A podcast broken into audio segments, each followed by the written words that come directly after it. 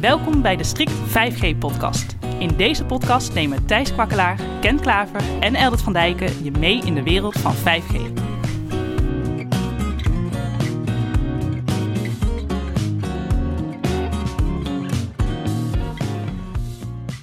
Dit is de Strict 5G-podcast. Ik ben Thijs. Ik ben Laurens. En ik ben Eldert.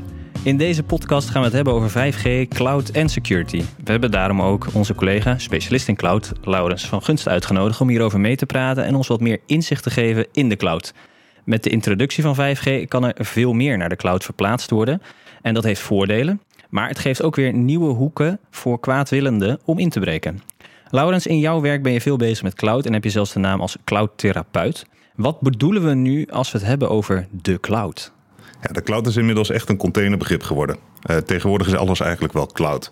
En dat is het ook niet meer weg te denken uit ons dagelijks leven. Denk aan Netflix, denk aan uh, Spotify, wat je gebruikt weg als je in de trein zit, waar je streaming bij nodig hebt. denk aan het gemakkelijk delen van bestanden via OneDrive of via Dropbox met anderen. En al deze componenten hebben eigenlijk een aantal dingen met elkaar gemeen. Ze zijn op afstand te benaderen. Ze zijn oneindig schaalbaar, soms tegen extra betaling. En je betaalt eigenlijk naar verbruik. En Eldert, als we het dan hebben over 5G en de, en de cloud, wat, wat kunnen we voor onderdelen van 5G in de cloud? Nou, dat is eigenlijk heel simpel. Want voorheen kocht je als mobiele operator, eh, als je een nieuw netwerk kocht, dan kreeg je een hele hoop dozen van een leverancier. En die moest je dan in je datacenter zetten. En die dozen waren zowel de hardware als de software, eh, zeg maar, de kern van het mobiele netwerk. En tegenwoordig uh, wat je krijgt van een uh, leverancier is een package. Dus een stukje software die je ergens op een stuk systeem moet laten draaien. Dus de leveranciers uh, zijn er eigenlijk al van uitgegaan dat de, de levering van een 5G-netwerk vooral software is. En dat een mobiele operator zelf wel een heel aantal servers heeft hè, voor, voor compute en storage. En dat dat de infrastructuur is waarop die software van 5G gaat draaien. Dus wat we eigenlijk zien is dat voor het core-netwerk is dat eigenlijk standaard een 5G-oplossing als cloud-oplossing wordt geleverd aan de mobiele netwerken. En waarom willen we dan die dingen in de cloud hebben? Ja, waarom willen we naar de cloud? Dat is volgens mij net wat Laurens al uh, probeerde duidelijk te maken. Het geeft veel meer flexibiliteit en vaak ook uh, redundantie is op een hele andere manier geregeld. En ook de economy van, van zo'n systeem is heel anders. Dus je bent niet afhankelijk van een stuk hardware wat je van een bepaalde vendor hebt gehad.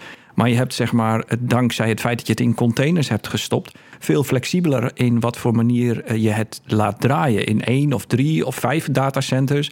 En hoe je redundantie inregelt. En of je nou gestandardiseerd bent op Cisco of op HP of wat anders. Dat kun je allemaal uh, doen. Ja, en met name de schaalbaarheid natuurlijk. Hè? Op het moment dat je groter wil gaan in je, in je netwerk, is het oh, ja. relatief simpel te doen binnen cloud, omdat je betaalt naar gebruik. Ja. En is het dan wel veilig?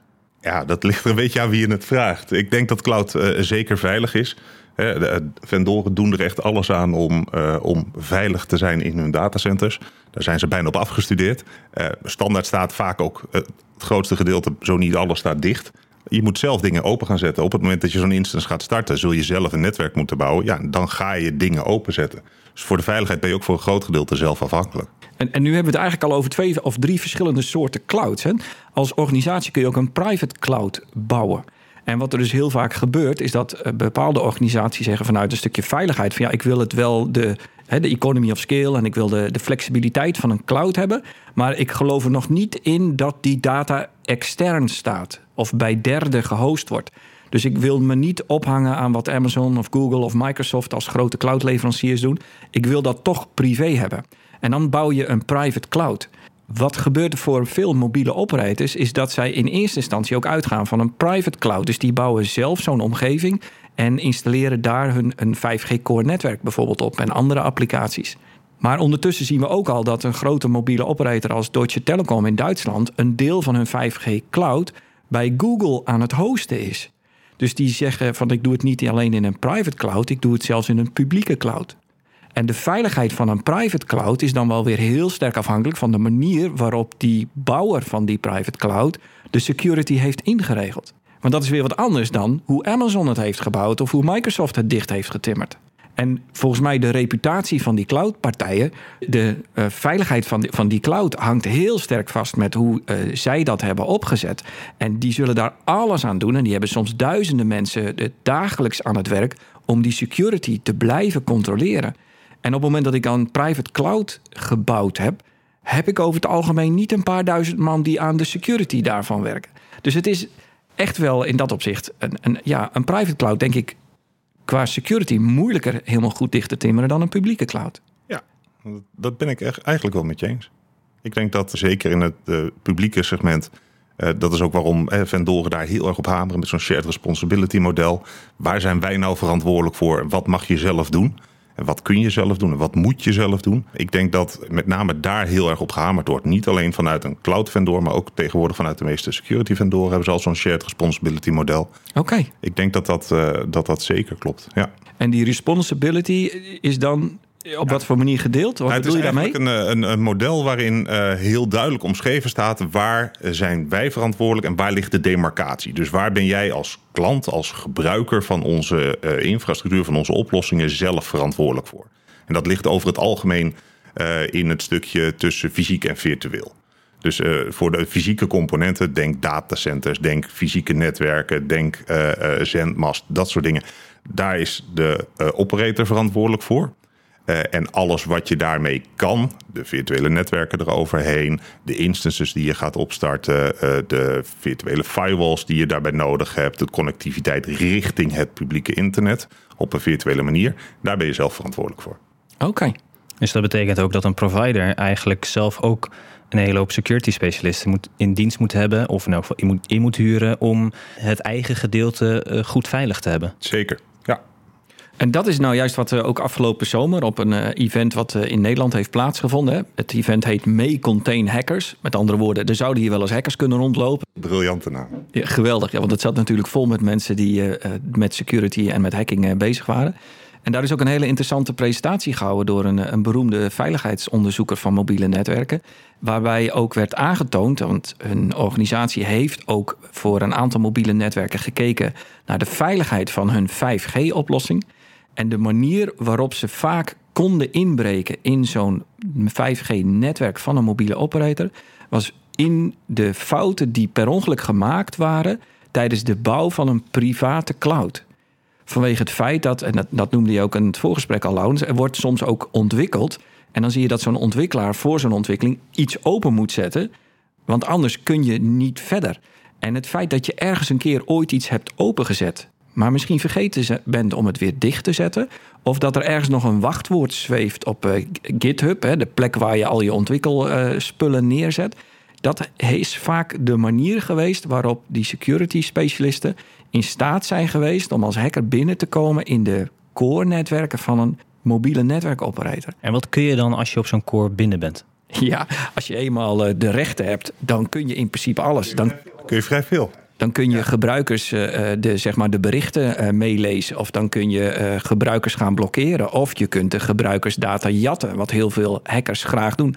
Om daarmee bijvoorbeeld geld te verdienen. doordat je een enorme databases kan verkopen. Dus en, en, en dan begint het voor een mobiele operator heel vervelend te zijn. Want dat is heel vaak grote reputatieschade. Vroeger met 2G, 3G, 4G. Hadden we dan geen issues met security? Of was dat gewoon heel erg anders? Ja, het leuke was dat de technologie daarvan niet publiekelijk bekend was. En ik kan me nog herinneren van een jaar of acht geleden, toen ze voor het eerst in staat waren om uh, 4G of om sorry, 2G-netwerken te hacken, dat die presentaties van die hackers begonnen van kijk eens, zo ziet een GSM-netwerk eruit. Er zit een zendmast en er zit een uh, base station controller en een MSC die doet de besturing en een database die heet een HLR. Dus er werd zeg maar heel enthousiast de kern van een GSM-architectuur uitgelegd ja, ik mocht toen al 15 jaar in de telecom werken. Ik zei, ja, uh, voor mij is dit niet nieuw. Ik bedoel, dit was zeg maar dag één van de basiscursus.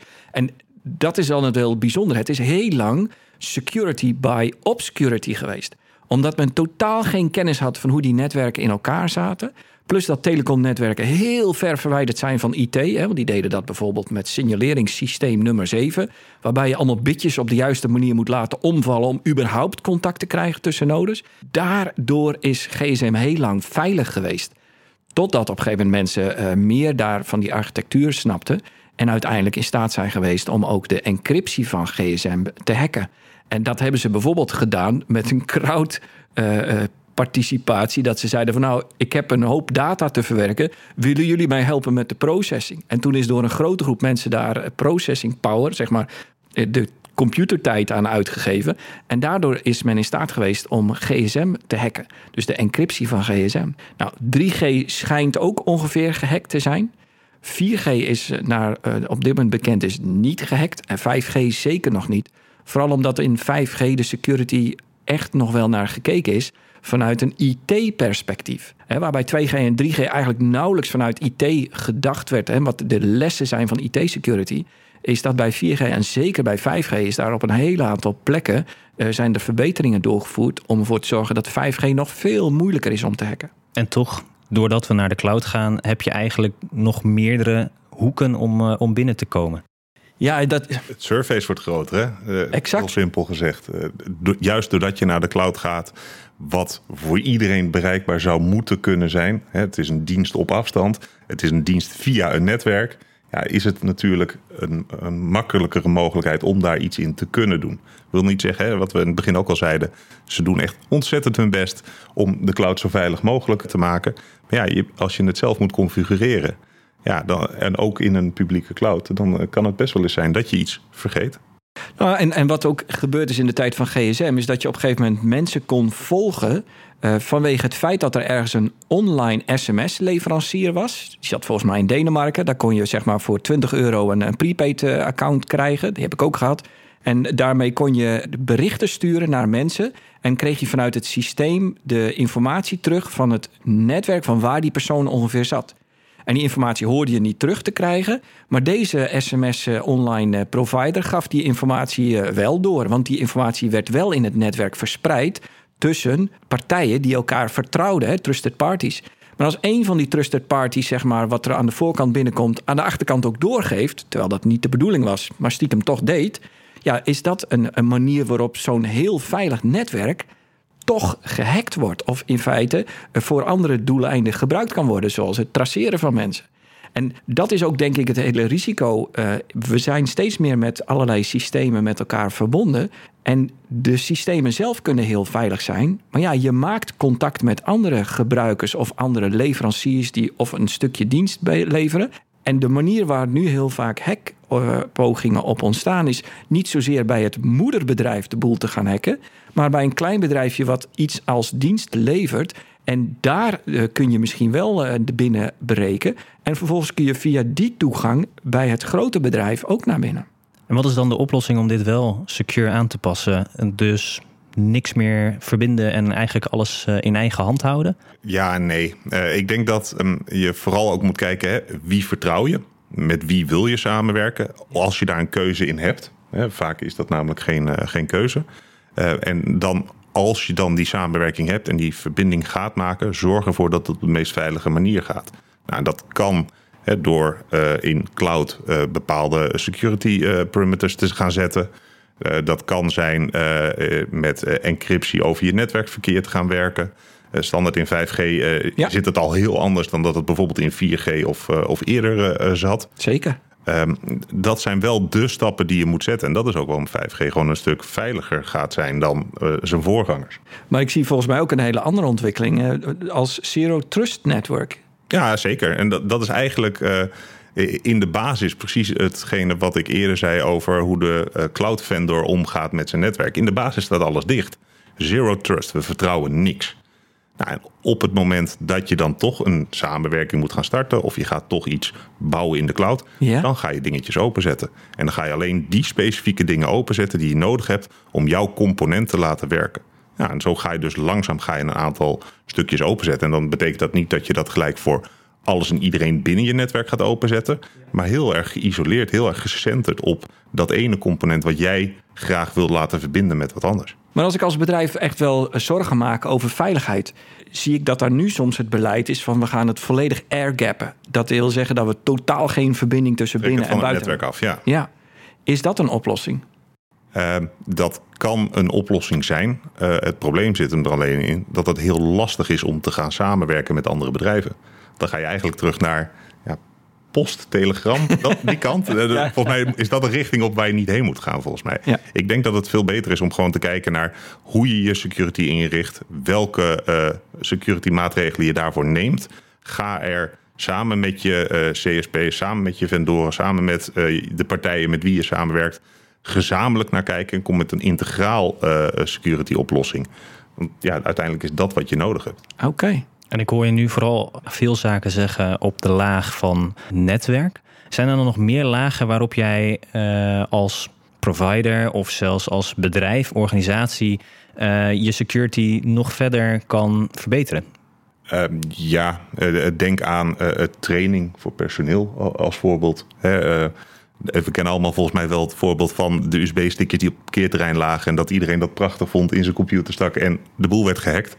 Nou, datzelfde zul je hebben met, uh, met netwerkdevices. Uh, denk aan een, een telefoon, of je die nou uh, wel of niet gekloond hebt, gejailbreakt hebt, of hoe je het wil noemen. Op het moment dat je daar andere OS op gaat zetten, aanpassingen gaat doen aan security maatregelen die zij al genomen hebben, ja, dan ga je denk ik de, de, de onveiligere kant op. er zal altijd een bepaalde mate van vertrouwen moeten zijn met jouw vendoren. Uh, over datgene wat zij voor jou willen doen. Uh, en wat je daar zelf in uh, kan en moet willen doen. Want het is gewoon een vak apart. We hebben het naast de providers ook regelmatig over private 5G-netwerken. Die staan eigenlijk redelijk los van het grote publiek. Maar ik kan me wel heel goed voorstellen dat je bepaalde zaken wel in de cloud wil regelen. Omdat het, nou ja, wat je al zei, in de, in de voordelen qua kosten en uh, schaalbaarheid al veel gemakkelijker is. Waar moet een organisatie met een eigen 5G-netwerk dan rekening houden om dat zo secure mogelijk te hebben? Ik denk al uh, heel wat uh, aspecten. En één daarvan is: wil je het in een uh, publieke cloud draaien of in een private cloud? En er zijn steeds meer publieke cloud proposities voor private 5G-netwerken. Want Google en Amazon en Microsoft die zijn daar internationaal al volop mee bezig om private 5G core, zeg maar de kern van het netwerk, al als clouddienst te leveren. En daarbij, ja, als, als dat iets is waar je als bedrijf mee vertrouwd bent, omdat je een hele hoop andere diensten ook al in een cloud hebt draaien, of omdat je al veel met Amazon samenwerkt, of in Azure van Microsoft uh, veel applicaties al hebt draaien, dan is die stap naar, naar een 5G core in diezelfde cloud is natuurlijk een hele kleine. En daarmee denk ik met een publieke cloud dat je daar best wel een veilige keuze in kan maken. Dus ik denk dat dat deel wel redelijk goed gaat. Op het moment dat je het in een private cloud doet, is het wel heel belangrijk om de aspecten goed af te wegen van hoe kunnen mensen van buiten uh, inbreken en welke uh, tech factors, hè, welke achterdeurtjes staan misschien open. Ik, uh, ja, ik ben het daar zeker mee eens. Ik denk dat je als bedrijf zijnde vooral je moet gaan richten op hoe authenticeren mensen nu met mijn, mijn netwerk. Hè. Dat kan zijn IAM-authenticatie, dat kan encryptie. IAM? Uh, Moet je even uitleggen, Laurens? Wij zijn nog hier nog niet zo van de cloud. Heel goed. Identity Access Management, denk aan een user account. Dat soort uh, okay. oplossingen. Um, ja, en waar je als bedrijf zelf verantwoordelijk voor blijft, is het routeren van netwerk. Of dat nou in je private uh, omgeving is, de routering. Hè, je had het net over zero trust networking. Ja. Uh, of in een publieke cloud. Ook daar zul je routering moeten toestaan. Als je zo'n combinatie neemt van een Microsoft met een, een, een 5G uh, op, op locatie, dan zal daar connectiviteit zijn tussen jouw private 5G ja en de management van die module, wat gewoon vanuit de cloud uh, uh, gestuurd gaat worden. Dus in die hoedanigheid zal daar altijd connectiviteit tussen zijn. En dat zul je wel moeten beveiligen. En daar ben je wel als bedrijf, als klant zijnde ook zelf bij en zelf verantwoordelijk voor. En daarmee is voor mij denk ik ook is dat uh, wat heel veel mis is gegaan in, in diverse IoT-projecten. En, en uh, dat daar heel vaak security als uh, iets wat achteraf over werd nagedacht. Of waarbij ze een username-wachtwoord hebben toegevoegd. Maar die default voor alle apparaten die de deur uitgingen stond ingesteld. Ja, en, en op het moment dat gebruikers daar dan niks mee doen, dan weet je zeker dat je van alles kan hacken. En hier is denk ik de les voor private 5G ook, is dat je security echt als onderdeel van je totale design moet hebben. Dat dat niet iets is waar je achteraf naar gaat kijken, maar waar je misschien bij de eerste projectdiscussies al uh, een specialist voor in de arm moet nemen. Van jongens, hoe gaan we de security doen? Zeker, in, in de meeste architecturen zie je het inmiddels wel terugkomen. Het security by design uh, principe. Ja. Klopt. Ja. Maar, maar dat hangt heel vaak samen van, eh, van mensen zelf die eh, eh, gevraagd worden om mee te denken. Ja. Want op het moment dat je aan een leverancier vraagt, heb je voor mij een private 5G, zal die niet automatisch zeggen: wat, wie is jullie security architect en is die bij de meetings aanwezig? Nee, Die zal eerder zeggen: joh, ik heb hier een totaaloplossing en, en achteraf kun je moeilijke vragen stellen. En waar dan niet altijd een antwoord op komt, volgens mij. Nee, dat is zeker waar. En dat, maar dat, datzelfde punt zit er ook in dat een, eh, een architect die nu binnen een bedrijf zit, misschien nog helemaal niets gedaan heeft met 5G. En dat het voor hem allemaal nieuwe techniek is. Is wel waarschijnlijk. Ja, dat, dat is heel waarschijnlijk. Nou, en op het moment dat dat dan zo is, zal hij of kennis moeten gaan opdoen. Maar hij zal nooit de ervaring hebben die een expert misschien met andere implementaties bij andere klanten die het al vaker gedaan heeft, wel heeft. Kunnen ze dan jou bellen, Laurens? Ze mogen het zeker proberen, ja. nee, eh, zeker. Wij kunnen ze daar eh, absoluut bij helpen. Dan ter afsluiting, we hebben het nu gehad over wat de providers kunnen doen, wat organisaties kunnen doen in hun eigen eh, omgevingen. Maar Laurens, als gebruiker, wat kunnen wij? Ja, ik denk dat het heel belangrijk is dat je zorgt dat systemen, netwerken, componenten daarvan eigenlijk altijd up-to-date zijn. Dat zorgt voor de meest veilige vanuit een vendor gezien omgeving. Security patches bedoel je, denk ik. Absoluut, absoluut. Oké. Eh, zorg er ook voor dat je geen onnodig gebruik maakt van technieken, welke op dat moment niet nodig zijn. Laat dingen niet aanstaan om het aanstaan. Een, een instance die blijft draaien, waar een, een vulnerability in zit, die misschien al niet eens meer gebruikt wordt, die zet hem uit. Gebruik dat soort dingen gewoon niet. Eh, In cloud Dus ruim je rommel op. In je Ruim je machine. rommel op. eh, zorg ervoor dat eh, je niet een onnodig groot attack surface creëert. Ja, want de beste beveiliging is nog altijd gewoon dingen niet gebruiken. Ja, de, de- de voordeur op slot, de achterdeur op slot en niet naar buiten. Dat is het veiligst. Oké. Absoluut. En op die noot, de eerste keer dat, Laurens. Mijn, mijn allereerste keer eh, in, in, in cloud en dan een beetje in, in combinatie met het onderwerp eh, data richting de cloud. Ik denk dat een heel mooi eh, eh, verhaal is dat ik een tijd bij een, een, telco gewerkt heb. Waarin wij heel graag een, een toepassing wilden creëren op een mobiele telefoon.